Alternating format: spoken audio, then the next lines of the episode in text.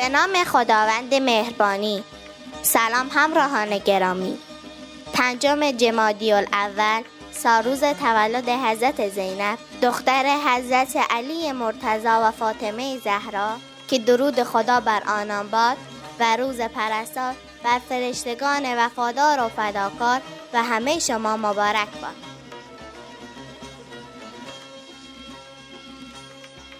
شعر پرستار تقدیم به همه پرستاران گرامی.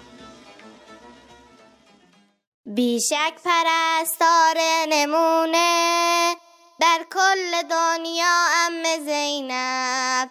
حس می کنم سخت از کارش زیرا سر کار است هر شب.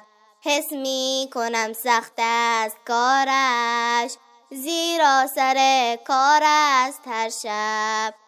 او با نگاه مهربانش مثل ستاره می درخشد چون دوست دارد تا به بیمار. لبخند شادی را ببخشد چون دوست دارد تا به بیمار. لبخند شادی را ببخشد یک هدیه می‌گیرم برایش.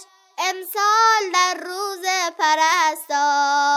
روزی که می آید به دنیا یک امه خوب و فداکار. روزی که می آید به دنیا یک امه خوب و فداکار. یک امه خوب و فداکار.